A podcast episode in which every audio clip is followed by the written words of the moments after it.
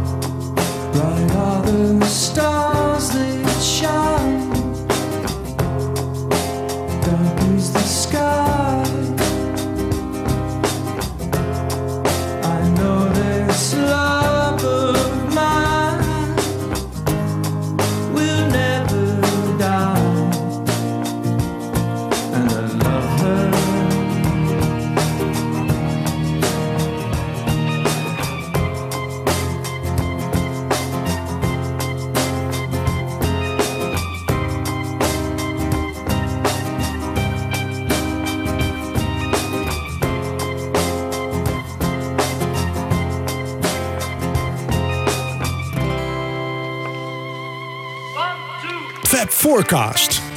Ja, beste luisteraars. En wederom een, een nieuwe aflevering van Fab Forecast. Ik ben de tel even kwijtgeraakt. Maakt ook niet uit. We gaan gewoon wederom een hele leuke show maken. En die gaat vandaag over de covers. We gaan dus stilstaan bij covers. Ja, covers met een verhaal erbij. Dat gaan we zo meteen nog uitleggen wat precies dat verhaal moet zijn. Eerst stel ik even mijn co-presentatoren aan u voor. Hier naast mij zit. Jan Kees Terbrugge. En aan de andere kant van het glas. Wibo Dijksma. Ja, mijn naam is dus Michiel Tjepkema en eh, ik eh, mag vandaag eh, uw moderator zijn voor deze covershow. En ehm, ja, dat had nog al wat, wat voeten in de aarde, wat we precies de invalshoek zouden maken. We vonden het eigenlijk iets te makkelijk om te zeggen, we laten gewoon eh, wat covers horen die we mooi vinden. Hè, want zo heeft iedereen wel zijn eigen smaak. Nou, via wat omwegen kwamen we uiteindelijk op ja, een connectie die we zo gaandeweg een beetje duidelijk is geworden. Maar het moet in ieder geval gaan om covers die iets te maken hebben met de Beatles. En niet alleen maar dat de Beatles geschreven hebben natuurlijk, maar dat de Beatles ja, er zelf iets mee te maken hebben. Een link is te leggen met bijvoorbeeld een oud sessiemuzikant die later een nummer heeft gespeeld van de Beatles. Eh, covers die hebben geleid tot hele mooie samenwerkingen tussen Beatles. Nou, dat gaan we ook nog allemaal horen. Ehm, vergeet ik nou iets, jongens? Volgens mij ben je vrij volledig. Vrij volledig. Ja. Ja. Ja. En ehm, nou ja, wat was de invalshoek bij dit eerste nummer? Ja, dat is een, eh, een verzoekje van mij. Dat is eh, And I Love Her van Broken Bells. Het is een eh, ja, moderne eh, band, eh, bestaande uit Danger Mouse. Zeg je misschien wel wat, is een eh, producer. Ja, hij is van de bekende Beatles remix, hè? Dat, Ja. de, de Black Album. Dus dat is echt een geweldig ja, hip-hop hip bewerking van Beatles nummers. Ja, is het niet Grey Album? ja de, sorry, de Grey Album. Grey ja, Album. Grey Album, ja, inderdaad. Black Album is van Prince. Prince, ja, sorry. De Grey Album. Ja, en hij schijnt de nieuwe plaat van U2 te hebben geproduceerd. En ook nog eh, achter Gnarls Barkley, ik weet niet of je dat wat zegt, van een eh, Crazy. Crazy, Ja, inderdaad. En James Mercer zit erin, dat is de zanger van The Shins. En het drumwerk in dit nummer, eh, dat heb- was jullie misschien wel opgevallen, dat was Ringo. Maar niet de echte Ringo, maar Ringo van een, van een opname en wel van I Am The Walrus. Dus ze hebben die, die drumpartijen uit dat nummer gewoon als sample gebruikt in het nummer. En heel af en toe in het nummer hoor je nog even dat de orkest uit I'm the Walrus terugkomen. En ehm, dit is gespeeld tijdens de David Letterman Show van 4 februari 2014. Eh, dat was in die hele week na aanloop van het 50-jarig eh, jubileum dat de Beatles in Amerika landden. En toen was er elke dag een artiest die een Beatle-nummer eh, speelde. Sting heeft dat gedaan. Ik geloof dat Sean Lennon, de zoon van John, eh, het ook heeft gedaan. En dus ook eh, Broken Bells. En ja, ik vond het eh, een hele mooie creatieve oplossing eh, zo voor dit drumwerk van Ringo te gebruiken. En dat is dan ja, de link. Ik weet niet of het link genoeg is, maar... Eh, het is gewoon een mooi nummer. Dat mag ook, dat mag ook, wel eens een keer. Maar ja, dat mocht geen aanleiding voor nee, thema zijn. Nee, nee, nee.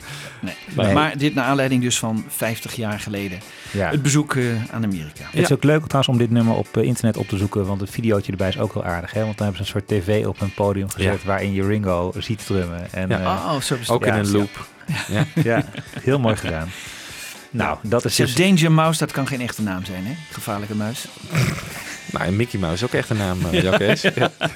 Ja, goed. We weten dus niet hoe die echt... Of zouden, ze, Ja, met- dat- dat- zouden ouders zijn die een kind Danger hebben genoemd? Nou, hij heet anders, maar dat eh, zoeken we nog een keer op. Ja. Oké. Oké. Brian Joseph Burton, eh Jan Kees, als je het zo nodig wil weten. Nee, nee, nee, ja, Weet je dat uit je hoofd of zoek je dat nu heel Nee, snel dat op? zoek ik. Dat is wel echt heel erg snel. Ja, Ja, het, ja, eh, het internet is hier razendsnel. Jongens, we gaan naar, eh, we gaan, eh, naar 1968, naar een, een groep die George heel goed vond. En een, eh, een Amerikaanse psychedelische rockformatie, Vanilla Fudge. En ehm, ja, dan is de vraag van hoe kom ik hier nou weer op? Ze hebben Ticket to Ride gecoverd, ze hebben Eleanor Rigby gecoverd. En ehm, ze waren ja, Beatles-fans, dat is duidelijk. Maar ik vond het nog wel eens lastig bij dit onderwerp om te zoeken van hoe, hoe vind je nou een nummer, hoe weet je nou of de Beatles een cover goed vonden? Hè? Dat, dat moet je wel even weten. Ja. Ehm, Dus uiteindelijk heb ik eh, een soort eh, ja, methode toegepast op Google. Als je namelijk je, je zoekterm tussen aanhalingstekens zet, dan krijg je vaak precies wat je moet. Hè, dan, dan zoekt hij precies op die woordcombinatie. Dus ik had ehm, bijvoorbeeld de combinatie The Beatles were so impressed that. En dan weet je, oh, de Beatles waren ken ik erg van onder de indruk. En zo kon je, en kon, ik- kwam ik op een gegeven moment achter iets van vijf of zes covers waarvan ik dacht, hé, hey, dus kennelijk vonden de Beatles dit heel goed. En natuurlijk heb ik ook naar individuele Beatles toen eh, gegoogeld in plaats van de Beatles. Ja. En hier eh, kwam ik dus George tegen. Ehm, en die, die, scheen dat hij, die scheen deze cover van Ticket to Ride van Vanilla Fudge heel goed te vinden.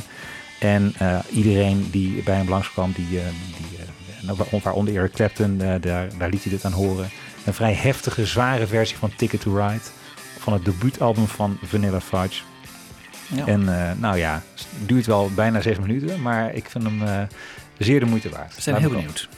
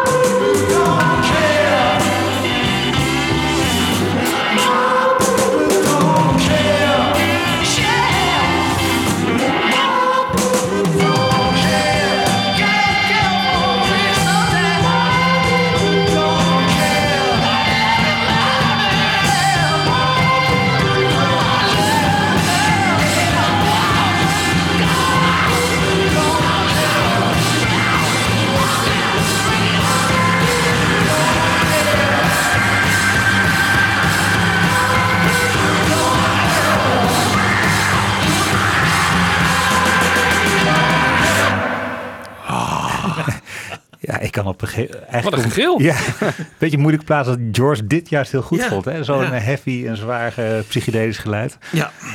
Overigens eh, valt me wel op dat de Beatles zelf vaak nummers goed vonden die op een hele andere manier zijn uitgewerkt Ja. dan hen Ja. zelf. Dus Ja. eh, in Maar die het is zin natuurlijk ook het leukst. Dit is ook Dat- het leukst natuurlijk. Ja, Ja, dat, dat is wat waar. anders mee doen. Ja, dat is waar. Nou ja, dat heeft John later ook gezegd eh, in een, een interview met het blad Flip. Zei hij van, nou ja, ehm, er moet iets toegevoegd worden. Iets waardoor we op een gegeven moment ja, een soort nieuw perspectief op een nummer krijgen. Ja, hij zegt in dat interview dat ene Keely Smith eh, niks aan, eh, zijn comp- aan de composities van de Beatles toevoegde, behalve een paar trompetjes. En dat Matt Monroe's versie van Yesterday verschrikkelijk was. En dat de versie van Marion Faithful hem juist heel goed beviel. Nou, die gaan we zo meteen nog horen. Maar er moest inderdaad iets toegevoegd worden. En ehm, ja. Nou dat was hier zeker het geval. Ik vind hier vooral interessant, want er is wel gezegd over eh, Ticket to Ride dat het een soort begin van heavy metal was. Hè? Ja, En nou ja, dat hoor je hier al wel dat heeft een beetje. John gezegd. Ja, Ja. John heeft dat gezegd, ja. En Ja. dat hoor je hier al wel een beetje of zo. Dat, dat hele zware, je kan, je kan echt op losgaan op dat nummer. En eh, Ja. ze hebben veel meer gedaan. Dus zoals ik al zei, Eleanor Rigby ehm, op hun eerste album zijn alleen maar covers. Ook She's Not There van de Zombies. En eh, nou, People Get Ready van Curtis, eh, Curtis Mayfield. Nou, eh, voor de liefhebber, zoek het maar uit. We gaan, eh, we gaan eh, meteen eh, verder met de volgende eh, persoon. En dat is Joe Cocker. En eh, nou ja, als we daar... Ook wel Joe Cover eh, genoemd. Ja, Joe Tenminste, zo noem ik hem vaak. Heeft Ja. hij wel eens een, eh, een nummer zelf geschreven? Nee, volgens mij niet. Tenminste, geen hit van hem. Nee. Nee, hè? Het nee. zijn allemaal eh, Nee. covers, ja. Ja. Ja. ja. Maar geweldige covers. geweldige covers. En ik denk dat hij, nou ja, hij heeft, hij heeft echt mooie Beatles covers gemaakt. Ja. Echt een stuk of vier. Al, al in 65 heeft hij eh I'll Cry Instead op, eh, Oh ja. op eh, de band gezet. Die is ook leuk. Ja. Ja, heel strak. En ehm, ja, het, zijn, zijn handelsmerk is natuurlijk With a Little Help from My Friends. Een eh, nummer waar de Beatles kennelijk erg van onder de indruk waren. En ze zijn toen naar hem toegegaan. En dit is ook wel erg opmerkelijk met het nummer Something. En ze zeiden van George, of, eh, Joe, eh, dit nummer mag jij, eh, mag jij gaan opnemen. Eh, zelfs voordat de Beatles het als single hadden uitgebracht. ehm, heeft Joe Cocker het al op de plaat gezet en eh, er een hit mee gescoord. Heel even over eh With a Little Help for My Friends. Ja. Ben ik de enige, is het vloek in de kerk. Maar ik vind het eigenlijk mooier van Joe Cocker Ja. dan het origineel. Mhm. Ja, mooi, Nou hè? ja, Ja. vloeken is het wel, maar ja, het, ja, het is heel anders. Ja, Ja, ik vind Ja. het... eh, bij Ringo is een soort kinderliedje. En Ja. hierbij maakt hij er echt een soort Ja. eh, eh, opera van. Ik weet het niet. Het is echt Ja. eh, wat hij met dat nummer doet. Wat, Ja. wat, er, wat erin zit. Precies, bedoel, hij haalt er iets uit waarvan je niet vermoedt dat het erin zit eigenlijk. Nee, ik vind Ja. het echt geweldig. Ik vind het echt fantastisch hoor. Dat is Ja. echt ongelooflijk. Van Ja. zo'n eenvoudig liedje. Ja, ik zie jou twijfelen, Wiebo. Wij, Ja, ik weet het niet. Die, misschien dat ik het ook te vaak gehoord heb of zo, dat van Joe Cocker. Dat op een ja. moment Hoor je dan liever die van Ringo? Nee, nee, nee. Ik vind het altijd Nee. een, hele moeilijke vergelijking sowieso. Ja. Moeilijke Ja? vraag van, vind je een cover nou mooier dan het origineel? Eh, ik hoor mensen ook over We Can Work It Out van Stevie Wonder hetzelfde zeggen. Dat, dat, zo, eh, dat het beter Maar nee, het is, nou ja, het is inderdaad heel anders. Het, een cover kan Ja. heel erg geslaagd zijn. Ja, maar een cover kan toch zo goed gedaan zijn dat je zegt, nou, dat overtreft het origineel. Ja, dat kan. Dat kan maar ik, zeker. ik moet er niet aan denken dat op Sgt. Pepper dit arrangement zou hebben gestaan. Nee, dat, hey, dat is een interessante. Dat is een interessante. Nee, het, het, het was echt een, het is echt een jaren, eind jaren Ja. 60 een ding van Joe Cocker. Echt Ja. met Woodstock heeft het eh, te maken. Ja. Ja. Ja. Ja, het, het is een briljante cover, Ja. absoluut. Ja. Dus trouwens, het arrangement Ja. is niet van Joe Cocker zelf. Hè? Dat is van Leon Russell, die eh, al die, dat Oh, zijn ja. debuutalbum meespeelt. Ja. Die heeft eigenlijk uitgedacht van ja, je kan er een heel opzweepend en die koortjes en zo. En, eh, maar Joe was natuurlijk wel de man die die performance neerzet. ja. Zeg maar, hoe zit het dan met Something? De Beatles gingen dus eerst naar Joe Cocker toe met Ja. dit nummer. Ja, Dus het dat was een soort betekent dat ze- beloning voor zijn cover van With a Little Help from My Friends. Dat ze dat prachtige nummer waarvan wij eigenlijk zeiden in de vorige aflevering, dat is misschien wel het mooiste nummer Mhm. van eh, Abbey Road, die, die zouden ze dan weg hebben gegeven. Die Nou, zouden ze dan. nou, Ik weet niet weggeven, maar Nou gewoon ja, van, die maar mag als die- jij ook doen misschien. Maar wij hebben hem ook gedaan. Maar... ja. Ze hadden hem al opgenomen. Ehm, Nee, want ik, Of- ik hoor van jou dat ze misschien al eerder naar Joe Cocker nou, zijn gegaan. voordat, ja, dus voordat ze het zelf als single uitbrachten, de Beatles, hebben ze het aan, aan Joe Cocker gegeven. Toen heeft Oh, hij ja. het als single uitgegeven. Ja, Ja, ja. Kun jij iets zeggen eh, eh, over Something? Ik bedoel, gaat hij weer dezelfde weg op als eh, With a Little Help? Of nee, het is, niet zo, het is niet zo opzwepend, maar ik vind ook dit is gewoon weer een hele goede cover. Something in the way she attracts me like no other love. Something in the way she moves me I don't wanna leave it now. You know I believe in love.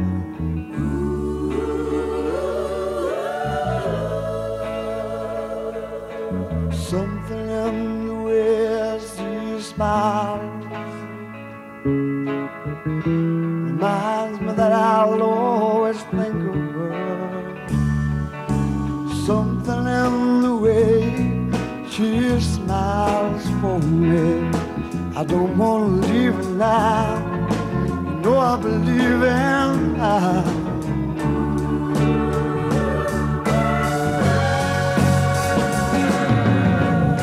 You're asking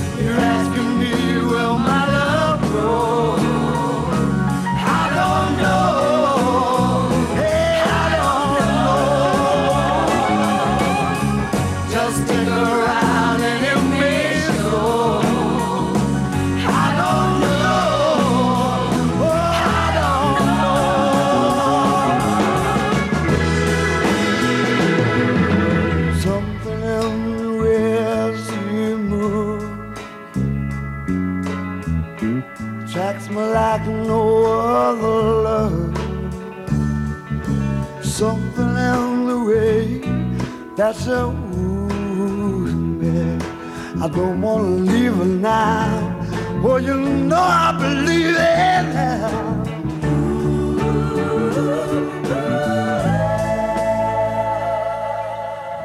Joe Cocker met Something. Prachtig nummer. Ja, zeker. Heel Ja. mooi. Hier hoor je een veel rustiger basje, hè, waar we het de vorige aflevering over hadden. Ja. Of de, de instrumentale aflevering in ieder geval. Ja. Eh, zo had het ook gekund, Paul. ja. Nog even een aanvulling op wat we net zeiden. Ehm, hij heeft inderdaad zijn, hij kreeg een soort demo aangeboden. Zo is het uiteindelijk gegaan. Een eh, vrij sobere demo van Something. Op basis daarvan heeft hij dus deze cover gemaakt. En die is dus opgenomen voordat de Beatles hun versie opnamen, maar pas later uitgebracht. Dus de Beatles versie kwam al op 26 september 69 uit, hè, als eh, Abbey Road verschijnt. En die van Cocker pas in november 69. Dus ik denk in die zin krijgen de Beatles toch iets van een, eh, de kans om hun eigen nummer als eerste op de wereld te zetten. Nou, je hoort inderdaad ook dat hij niet naar het arrangement van Nee, de Beatles heeft nee, geluisterd. Hè? Want dat is wel interessant. Hij Ja. maakt zijn, helemaal zijn eigen arrangement. En dat maakt het ook wel weer boeiend. Misschien heeft hij dat demootje wel gehad van Harrison, eh, die die opnam in zijn eentje Ja, in Abbey Road.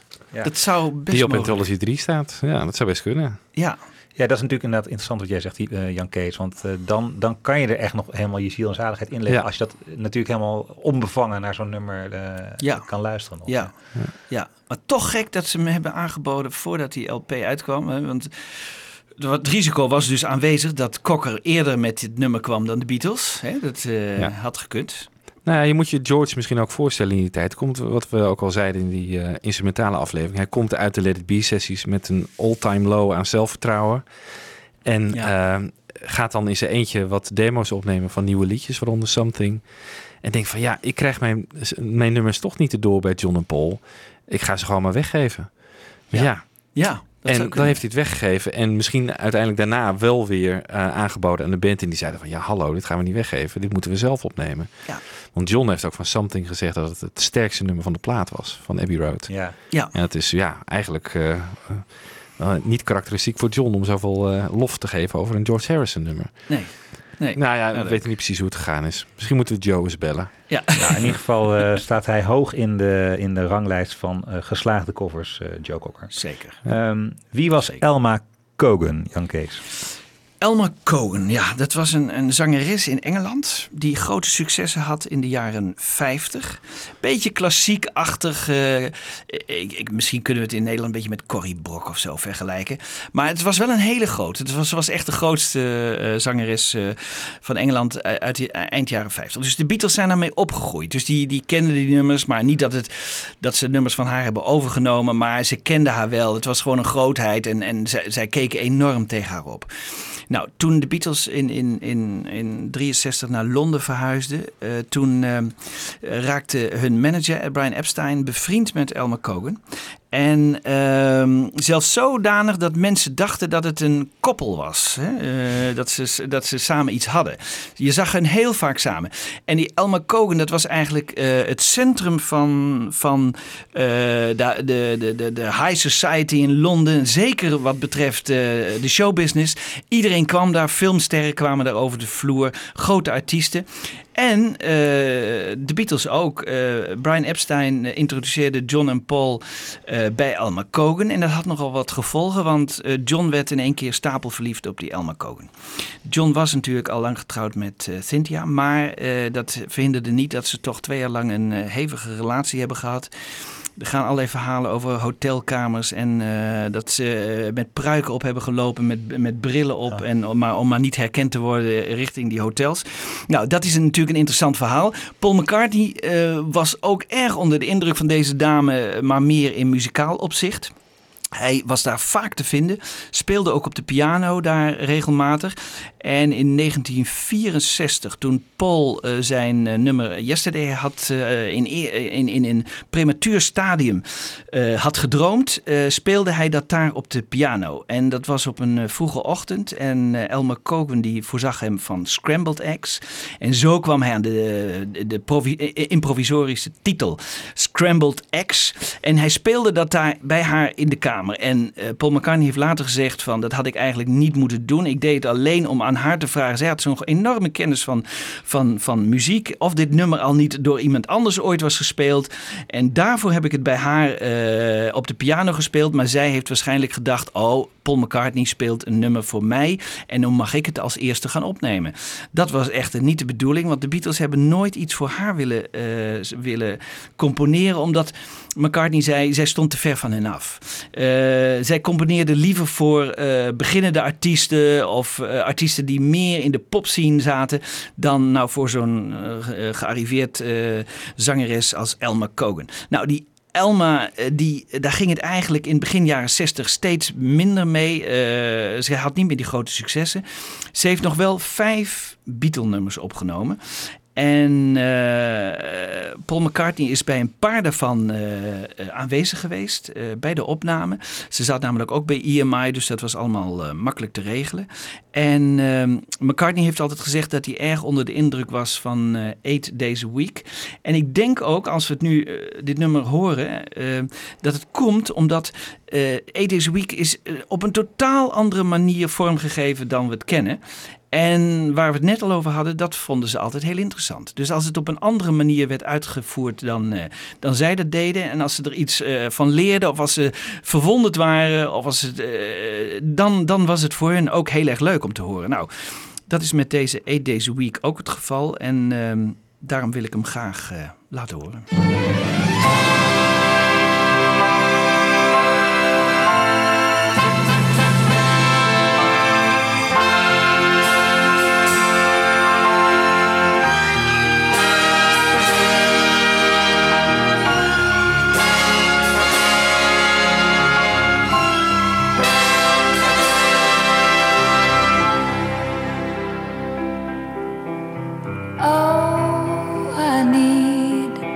your love, babe.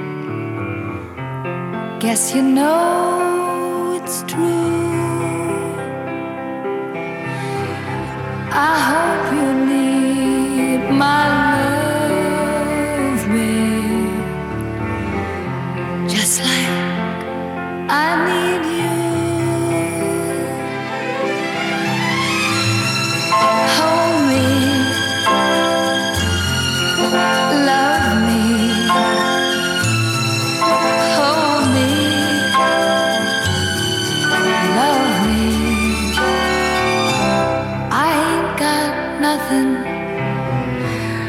But love, babe. Eight days a week.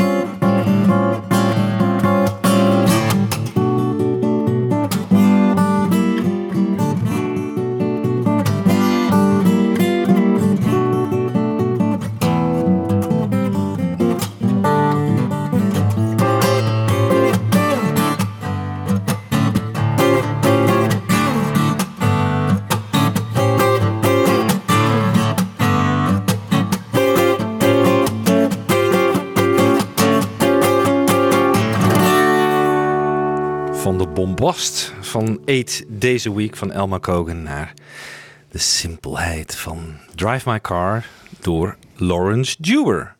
En de kenners onder ons weten natuurlijk wie dat is. De gitarist van Wings, eh, de laatste editie van Wings, die het album eh, Back to the Egg maakte en de, de Engelse tour hebben gedaan. En hij heeft een hele trits aan eh, instrumentale eh, albums gemaakt. eh, waaronder ook een aantal met alleen maar Beatle liedjes. En ja, lekker eh, fingerpicking, lekker gitaartechniek. Eigenlijk te goed voor een McCartney band, vind ik. Hij is Ja. eigenlijk, eigenlijk bijna klassiek. Ja, is het. ja. Hij is Ja. misschien wel de beste gitarist die met McCartney gespeeld heeft. Ja, Althans, als, in, in, eh, als lid van de band. Hè. Ja. Ja. want dat hoor je niet heel erg terug op Back to Nee. the Egg of zo. Hè? Nee. Nee. Nou ja, hij heeft bijvoorbeeld, in, ik kan me een live versie herinneren van Every Night. Van een eh, optreden van Wings ergens uit 79, waarin hij ook een hele mooie solo heeft. Dus hij voegde wel echt iets toe eh, aan, eh, aan het geluid. Ja. Maar ehm, dit was heel mooi. En hij heeft zich misschien ook in de loop der jaren nog verder ontwikkeld. Want wanneer, van wanneer is dit nummer? Nou, dat Niet van een Mm. tijdje terug, toch? Of niet? eh, niet heel lang terug. Laat zeggen eh, vijf jaar terug Ja, of zo. ja, ja, precies, ja. Vrij ja, recent. ja, vrij Ja. recent. Hè? Ja, maar dit vond ik wel, eh, wel de leukste eigenlijk. Ik heb ze allemaal een beetje kort beluisterd. Ik heb heel veel ballad eh, dingen gedaan. Maar dit was net een beetje wat meer up tempo. En, Nou, gaan we van de ene stergitarist naar de andere. En ehm, ik wilde nu even Hey Jude draaien. Hey Jude in de versie van Wilson Pickett. Een bekende soulartiest die we kennen van zijn grote hit eh, In the Midnight Hour. En hij neemt eh, ergens eind 68 Hey Jude op. Ehm, dat natuurlijk dan al een hele grote hit is voor de Beatles. En doet dat samen met één blanke sessiemuzikant, namelijk eh, Dwayne Allman van de latere Allman Brothers. Nou, die band die, eh, die bestond toen nog niet. Dwayne was nog maar een, eh, een eenvoudige sessiemuzikant die eh, ja, eigenlijk al jaren wat hoger op probeerde te komen, maar kennelijk weinig hits wist te scoren, weinig indruk wist te maken. Maar wel ondertussen een virtuoze gitarist. En eigenlijk was dit, ja, is een beetje zijn, zijn claim to fame geweest. Althans, zijn, na, na deze, deze solo die hij aan het eind van dit nummer opneemt, is het voor hem een beetje gaan rollen. Want ehm, heel veel mensen, eh, waaronder de grote Eric Clapton, waren enorm onder de indruk van deze, de solo die in ehm, deze versie van eh, Hey Jude zit. En het is dus een hele geslaagde versie al van Wilson Pickett zelf. Maar met name de solo. Aan het eind van het nummer hoor je hem trouwens pas. Hij komt pas vrij laat in het nummer. Ehm, die maakte dus kennelijk veel indruk. En we hebben ook een klein quoteje van Eric Clapton. Dat we even kunnen laten horen. eh, waarin hij over die solo vertelt. I remember hearing Hey Jude by Wilson Pickett and calling either Ahmet Ertegun or Tom Dowd and saying, Who's that guitar player playing on the end of, or all the way through? And they said it's a guy called Skydog Allman, Dwayne Allman. I thought- And that just, I just filed it away because to this day I've never heard better rock guitar playing on a on a an R&B record, and it's the best. Hey don't make it bad. Take a sad song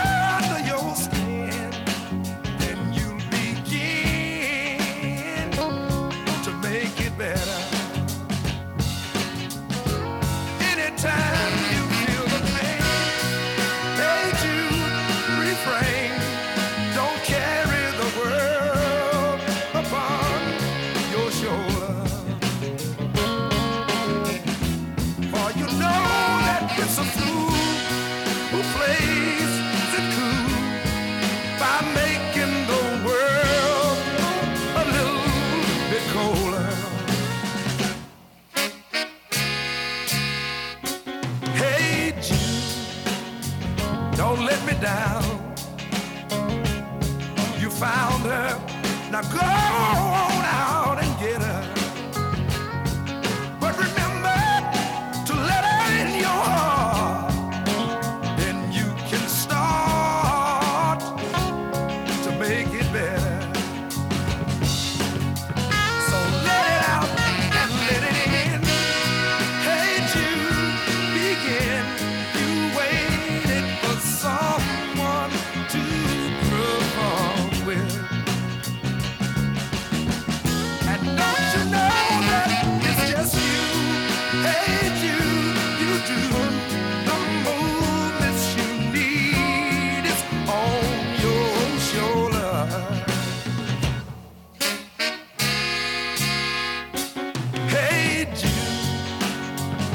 don't make it bad.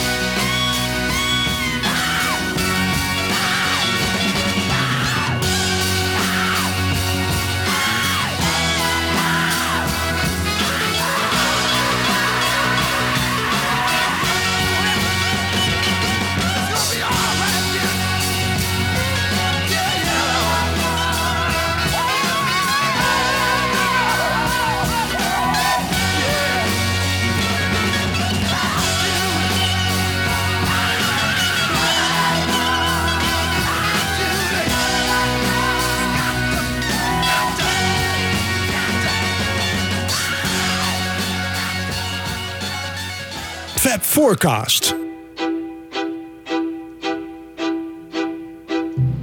Eleanor Rigby picks up the rice in the church where a wedding has been. Lives in a dream, waits at the window, wearing the face that she keeps in a jar by the door. Who is it for?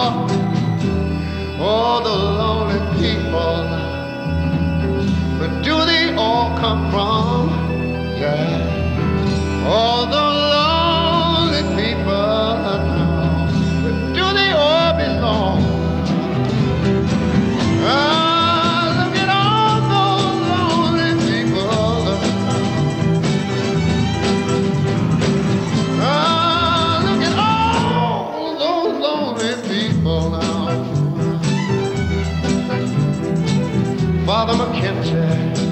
writing the words of a sermon that no one will hear. No one comes near. Look at him working, darting his socks in the night when there's nobody there. What does he care? I heard him say, all the lonely people. Where do they all come from? He turned to me and he said, all the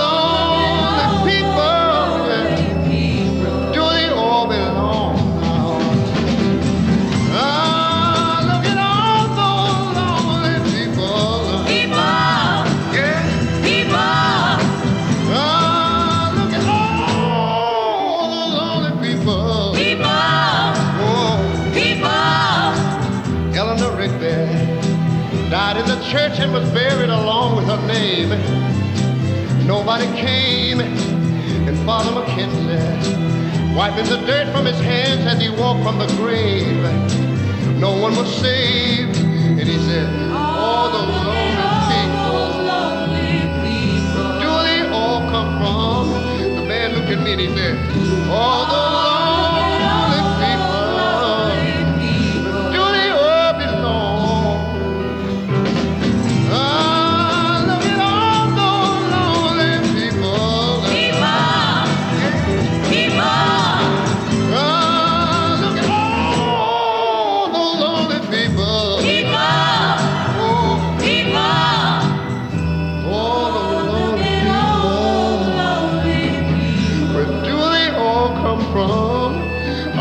somebody. All lonely people.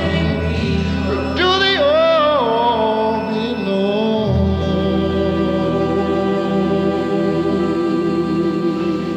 Ja. Nou, hierbij kunnen we het ons misschien wel voorstellen dat McCartney zelfs onder de indruk was van dit eh, arrangement. eh, en de wijze waarop eh, Ray Charles, hè, een van de favorieten toch ook van McCartney, dit, eh, dit werk heeft uitgevoerd. Ja. Ehm, is Prachtig die sfeer ook te Ja. vangen, hè? Ja, Van Eleanor meteen, Rigby. vanaf Ja. het begin. En Ja. eh, de emotie die er ook in legt. Ja. Ehm, dat, eh, nou, later gaan we ook nog een, een nummer van eh, McCartney horen en I Love Her. En een andere versie waar hetzelfde eigenlijk voor geldt. Namelijk dat de versie van de Beatles eigenlijk vrij, la- laten we zeggen, onderkoeld op de plaats staat. Niet, eh, McCartney legt niet heel ziel en zaligheid in. Hmm. Maar die soulzangers, die doen dat wel. En Ja. dat, is, Ja. dat heeft zo'n geweldig effect. Ja, ja Ehm, dat hoorden we ook een beetje bij dat Hey Jude. Hoe die, daar, Ja. die stem, geweldig. Ja, Ja, ja, ja. dat is waar. Dat is Daar, waar. daar nog even over gesproken. ehm, wat was de, de link met de Beatles? Ja, de Beatles, ja, dat is een heel eenvoudig link. Die vonden het een heel mooi nummer. Die vonden het een hele goede cover. Ehm, dat las ik ergens in een oude eh, mojo zonder bronvermelding. Maar dat moeten we dan maar aannemen dat het waar Nou, is. ik, ik heb de bronvermelding. Ah.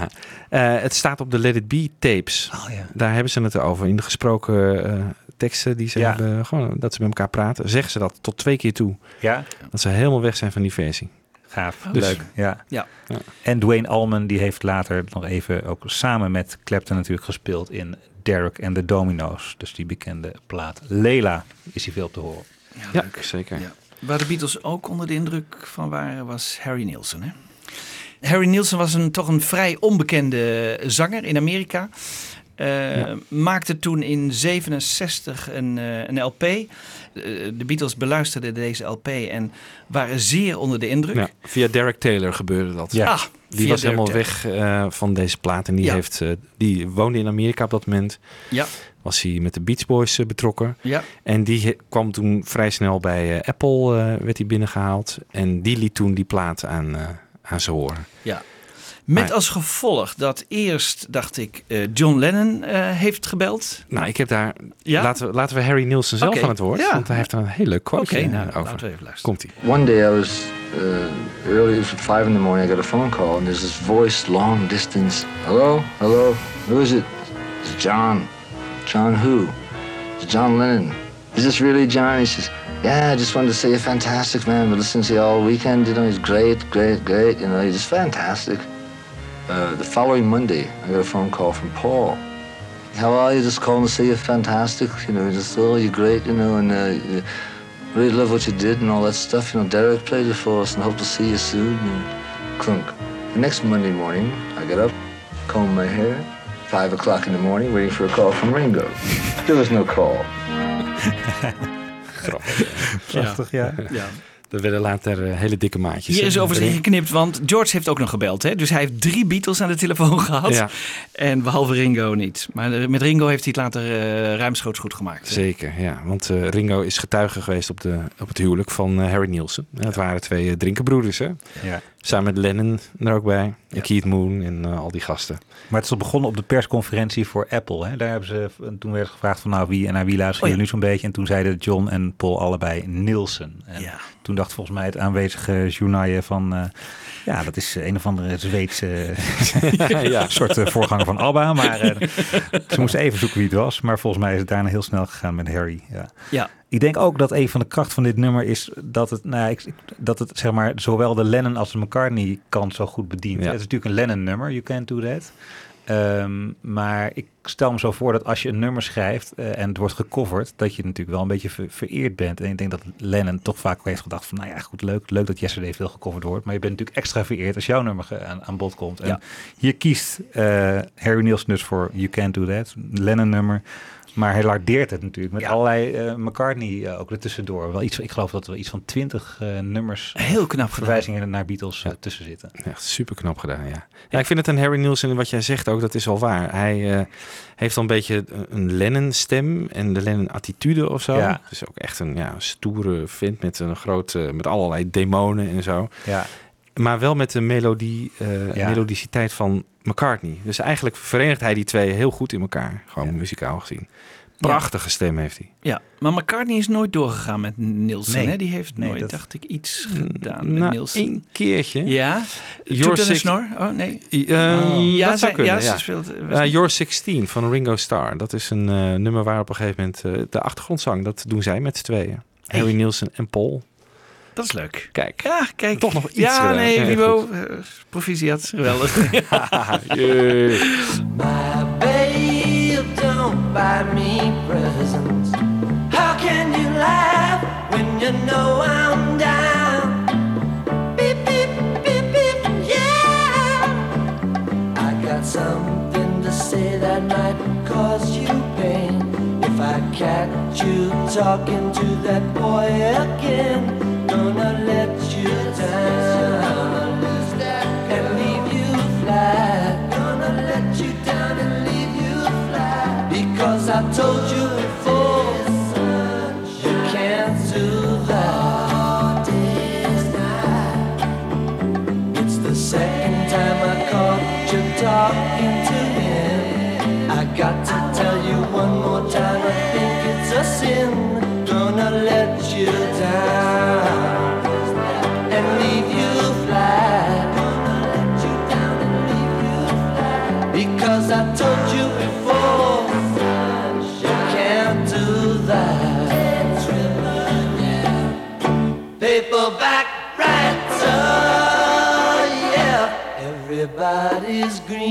sha la la. Cause I'm the one who stole your love. But if it's seen, sha la la. Me talking that way, they laugh in my face. Son, please listen to me if you wanna stay mine. I can't help this feeling, I go out of my mind.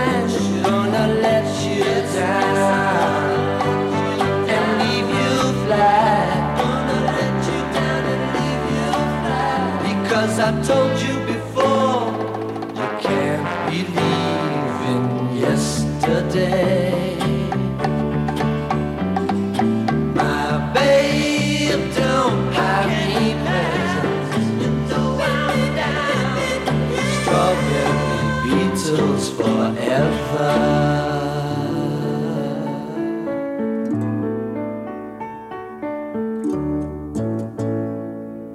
Yesterday, all my troubles seem so far away. Now it looks as though they're here to stay. Oh, I believe in yesterday. Suddenly,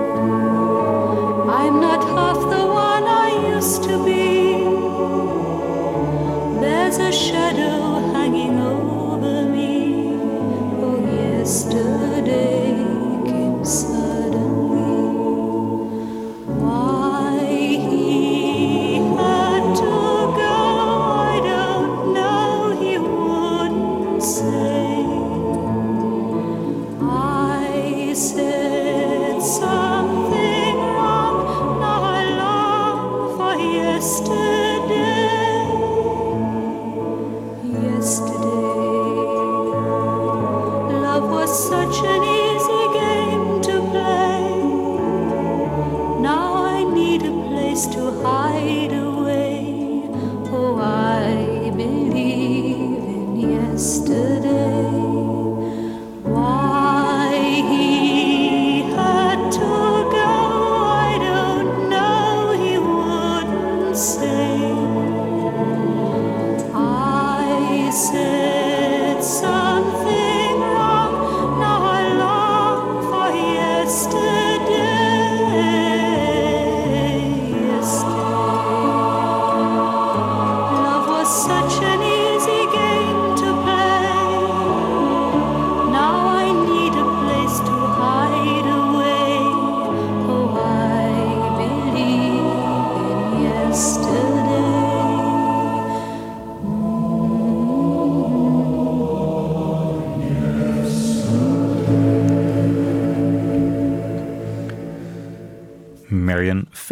Was dat, die ehm, deze versie van Yesterday opnam. En daar is eh, het verband met de Beatles. Nou, dat in ieder geval John Lennon daarover dus heeft gezegd, zoals ik net al zei, dat hij het een mooie versie vond. Eh, en Paul heeft de opnames ook bijgewoond van deze versie van Yesterday. Toen werd opgenomen op eh, 11 oktober 1965 in de Decca Studios. Dus misschien heeft hij ook nog wel een zegje gehad over het eh, arrangement. Ze zingt het heel, eh, ja, bijna, ik doe mij een beetje aan Lenny Koer denken eigenlijk. misschien een enorme belediging voor. Ja. Maar het, ja, een beetje stichtelijk en eh, zo, eh, ja, Ja. hoe noem je dat? Eh, Eigenlijk gek, hè? Want Kerkelijk. zij brengt het dan uit als single, maar de Beatles hebben het nooit als single uitgebracht. Althans in de jaren 60 niet. Schaamde hij zich voor eigenlijk een beetje? Ja. Ja. Zei, zei Paul, we were a rock combo. En, eh, Ja. Ga je niet zo'n... nee. eh, Nee, groot maar in Engeland wel, of eh, Amerika wel, is het wel als single uitgebracht. Later. Yesterday. Nee, volgens mij niet. Hè? Oh, in die tijd al. Ja. Nee, Ja, maar in, in Engeland niet, hè? Eh, nee. Het staat ook op eh, Beatles One, geloof ik, omdat het een nummer 1 hit was in eh, Ja. Amerika. En Nederland dacht ik ook een single uitgebracht. Maar goed. Ja, dat zou kunnen. Ja. Right. We gaan nu door met eh, weer een McCartney cover. Ehm, en dit keer door ehm, Crosby, Stills en Nash. Eh, Jan Kees, dat verhaal achter Crosby, Stills en Nash en Apple. Ja, zij, eh, ze waren eigenlijk een beginnende groep. Althans, eh, ze, ze hebben zich enorm snel ontwikkeld. En het waren natuurlijk alle, allemaal getalenteerde jongens. Maar ze, ze, ze vormden dus de groep Crosby, Stills en Nash. En ze wilden graag een platencontract. En Apple had net een advertentie eh, in allerlei bladen gezet van... eh, hebt u eh, iemand, kent u iemand met talent? Stuur uw tapeje naar ons toe. En nou, waarschijnlijk dachten Crosby, Stills en Nash ook van... jongens, dit, die Apple, dat lijkt ons wel wat. Het is toch heel erg leuk om bij de Beatles in de platenmaatschappij te zitten. En ehm, ze hebben een tape opgestuurd. Maar, wat schetst onze verbazing... Ze zijn eh, niet door de ballotage heen gekomen. Althans, eh, ze hebben nooit meer iets eh, gehoord. En, eh, en dan te bedenken dat ze, volgens mij, Woodstock is een jaar later, denk ik. Hè? Dus een jaar later waren ze al zo beroemd, Ja. al zo geweldig... dat Ja. ze met Judy Blue Eyes en zo op, op, op Woodstock stonden. Dus ehm, ze hebben daar echt iemand mee gemist. En zeker toen later Young zich daar ook nog bij aansloot. Ja. Young, die, waarvan Paul McCartney zelfs heeft gezegd... daar ben ik een enorm groot fan van. Ehm, nou ja, eh, laten we eens horen of ehm, Apple gelijk had of niet gelijk had. Eh, want het volgende nummer kregen ze dus te horen. Blackbird van Crosby, Stills en Nash.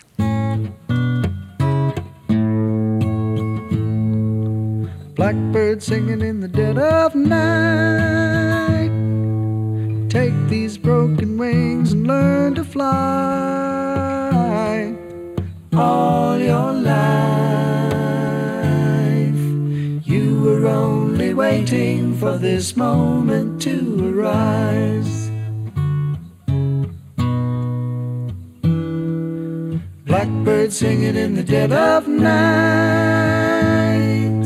Take these sunken eyes and learn to see all your life.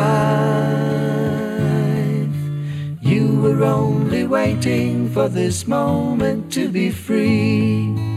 Blackbird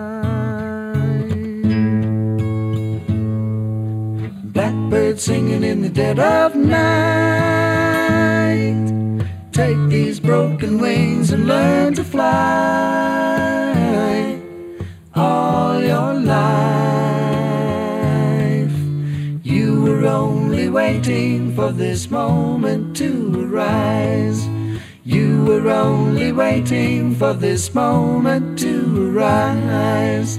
You were only waiting for this moment to arise.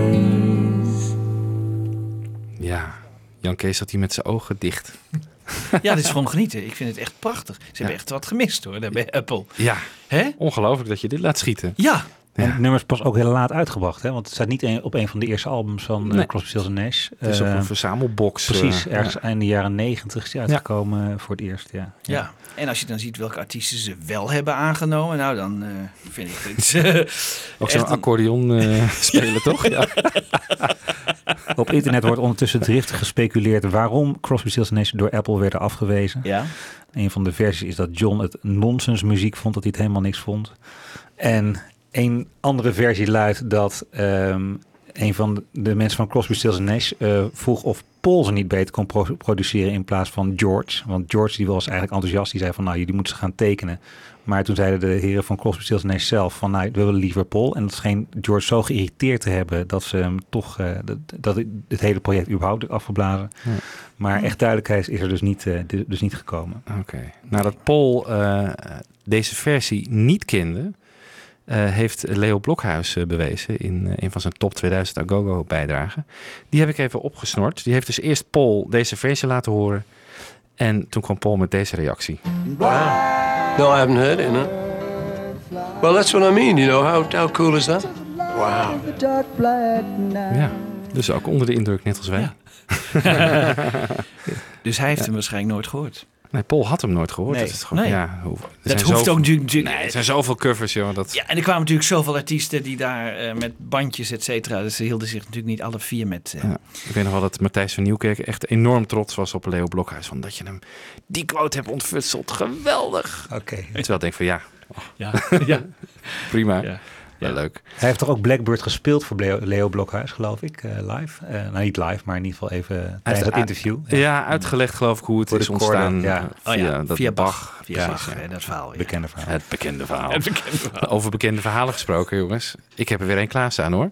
Kom maar door. The biggest single sort of tribute for me was that uh, it was released on the Friday, and on the Sunday we went to the Savile Theatre, which uh, Brian Epstein uh, rented on and ran some rock shows because nothing ever happened on a Sunday. And Jimi Hendrix opened with Sgt. Pepper, and he'd only had the Friday to, to learn it.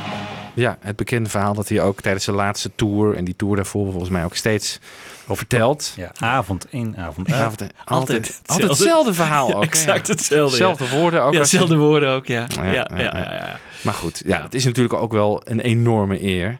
Nog een ander linkje. Ehm, dat las ik in het eh, laatste boek van, eh, van die Tom Doyle. Die heeft een boek geschreven dat heet Man on the Run. Dat gaat over McCartney in de jaren 70.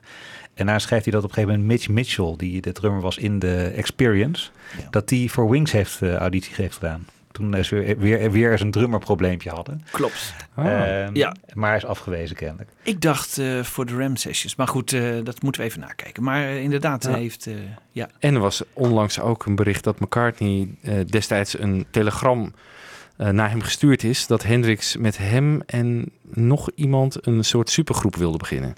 Met McCartney op bas en nou, misschien Ginger Baker op drums of Een zo. soort En- Cream eh 2. Ja, Ja. maar het telegram heeft McCartney nooit gehaald eh, Nee. destijds. Dus het is onlangs boven water gekomen. Anders hadden we een soort eh, traveling Wilburys uh, avant la lettre gehad. Hè? Ja, dat was leuk geweest. Dat is heel leuk geweest. Maar goed, het gaat allemaal om eh, deze cover van Jimi Hendrix van Sgt. Pepper.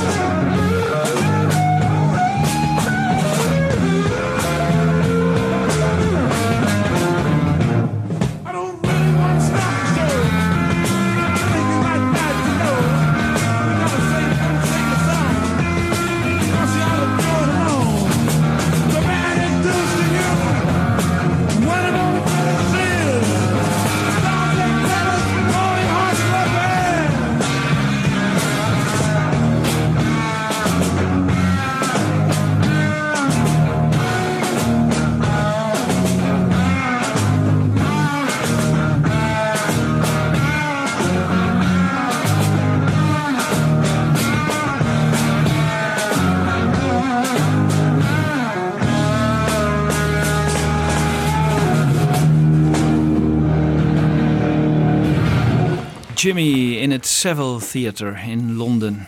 Je zal maar McCartney zijn hè? en je hebt al die legendarische momenten meegemaakt. Je kan het gewoon allemaal op je cv zetten. Ik Ja. ben daarbij geweest, ik werd toen gecoverd. Man, Ja. wat een eerbetoon heeft die man Ja. in zijn leven toch over zich heen gehad.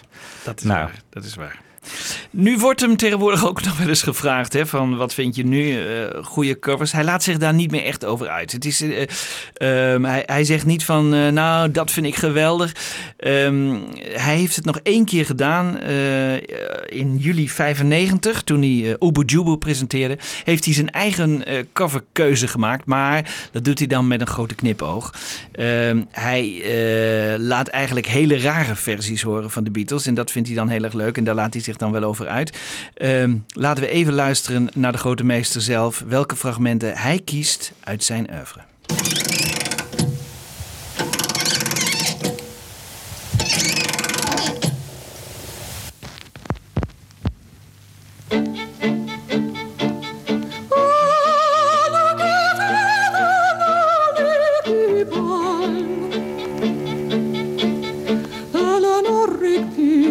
Rigby picks up the rice in the church where our wedding has been.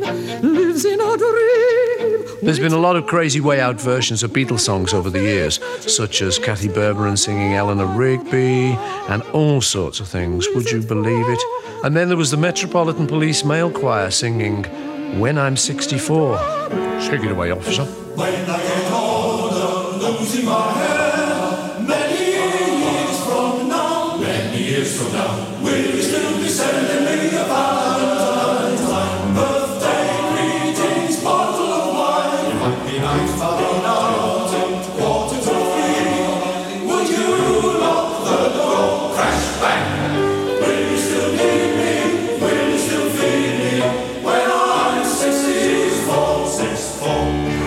William Shatner, Captain Kirk, Lucy in the Sky with Diamonds. A wonderful track. Picture yourself in a boat on a river with tangerine trees and marmalade skies. Somebody calls you, you answer quite slowly. A girl with kaleidoscope eyes. Cellophane flowers yellow and green towering over your head. Look for the girl with the sun in her eyes, and she's gone. And how about the 52 key Verbeek Fairground organ doing All My Loving?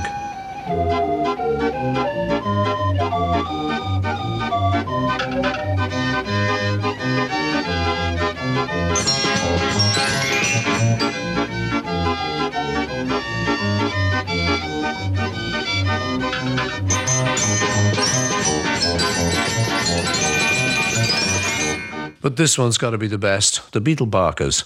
Take it away, fellas.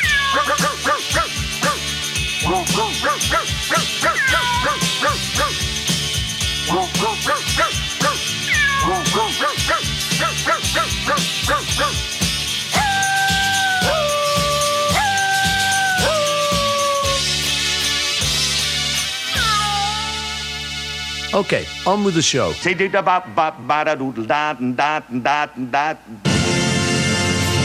Ubu Jubu. Ubu Jubu. And now, Ubu Jubu. Dat zijn nog eens jingles, hè, wie wel? Nou, dacht ik. We werken eraan. Ja, toch leuk. Eh, Michiel zei al net tegen mij, er is vast een assistent geweest van McCarthy. Die heeft wat van die frag- leuke fragmenten bij elkaar gestopt. Tuurlijk, ja. Maar dat maakt niet Ja. uit. eh, hij, hij staat erachter en eh, hij presenteert het allemaal heel erg leuk. Ehm, overigens, de Lennon en McCartney zijn begin jaren 60 alles door de BBC eh, geïnterviewd. Bij McCartney thuis, je hoort het klokje op de achtergrond tikken.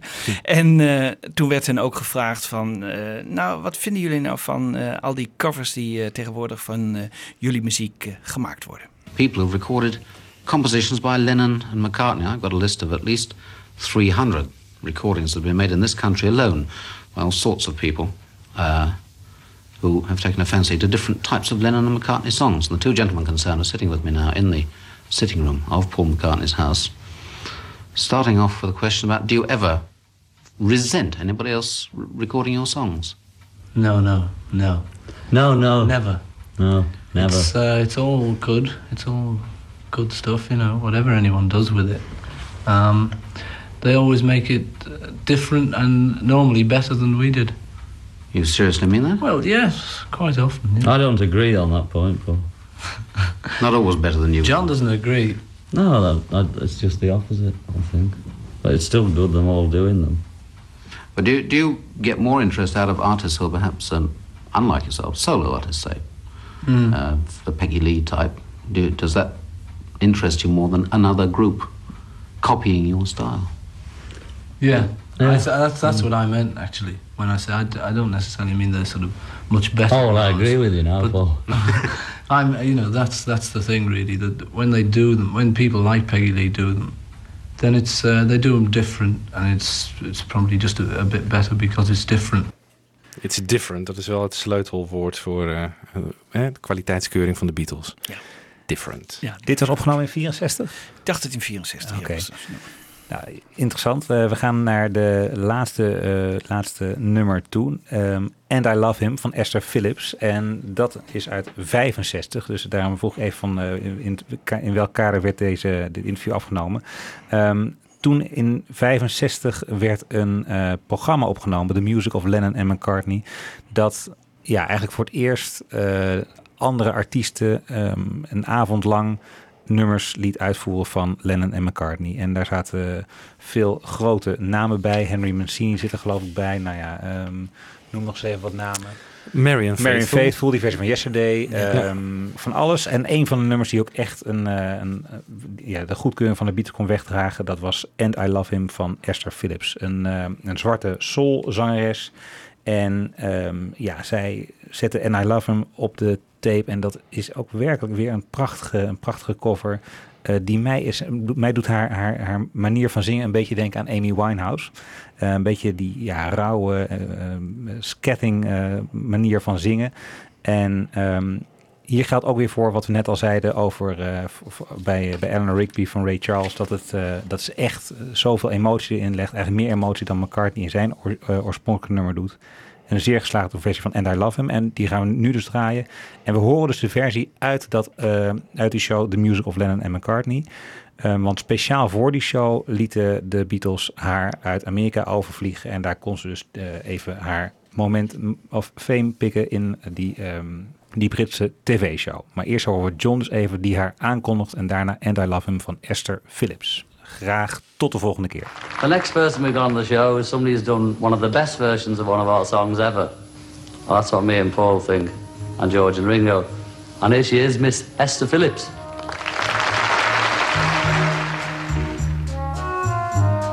I give him all my love. That's all I do. If you saw my love, you'd love him too. I love him. He gives me everything and tenderly the kiss my lover brings, he brings to me.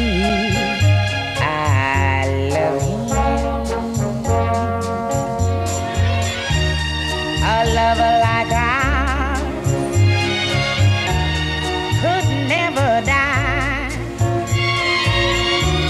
as long as I have you near me. Bright are the stars that shine, dark is the sky.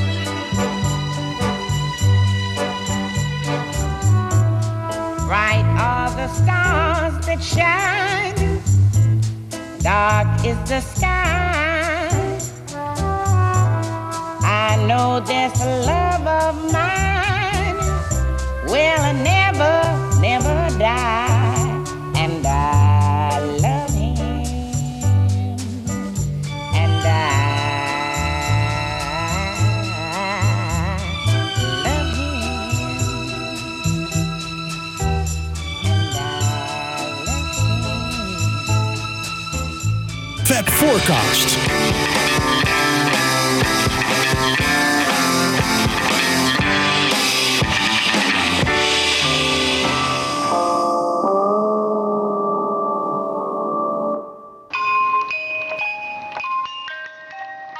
Goed Jan Kees, nu komt er een mooi verhaaltje. Lang geleden, of misschien nog niet zo lang, was er een paradijs dat Pepperland heette. Pepperland lag, of ligt, dat weet ik niet zeker, wel 80.000 mijlen onder zee. Het was er altijd zomer, er werd gezongen en gelachen en je was er nooit eenzaam omdat de band van Sgt. Pepper altijd je lievelingsliedje speelde. Nou, terwijl eh, Michiel aan het voorlezen is aan Jan Kees uit een van zijn boekjes, eh, ga ik hier nog één laatste nummer draaien. En dat is eh, heel toepasselijk afkomstig van het album Bedtime with the Beatles van Jason Faulkner. En Jason Faulkner heeft meegespeeld op Chaos and Creation in the Backyard. Eh, dat is natuurlijk een link met McCartney, maar McCartney zelf heeft over dit project gezegd: I very much enjoyed Bedtime with the Beatles. It certainly works. It put me to sleep. Hier is Jason Faulkner met Good Night.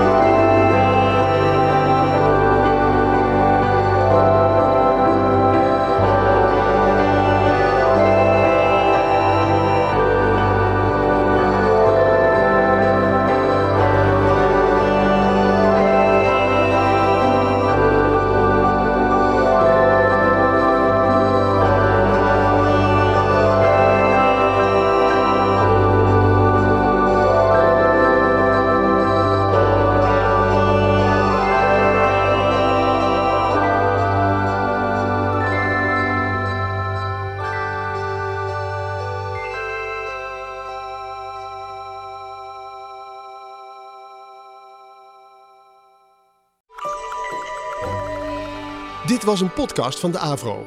Wij maken tientallen podcasts per week. Van klassiek tot pop, van actueel tot Avro-archief en bijzondere radio-uitzendingen en speciaal voor podcast gemaakte programma's. Kijk op avro.nl slash podcasting voor een compleet overzicht. Wij bieden als luisteraar alle vrijheid, nu en in de toekomst.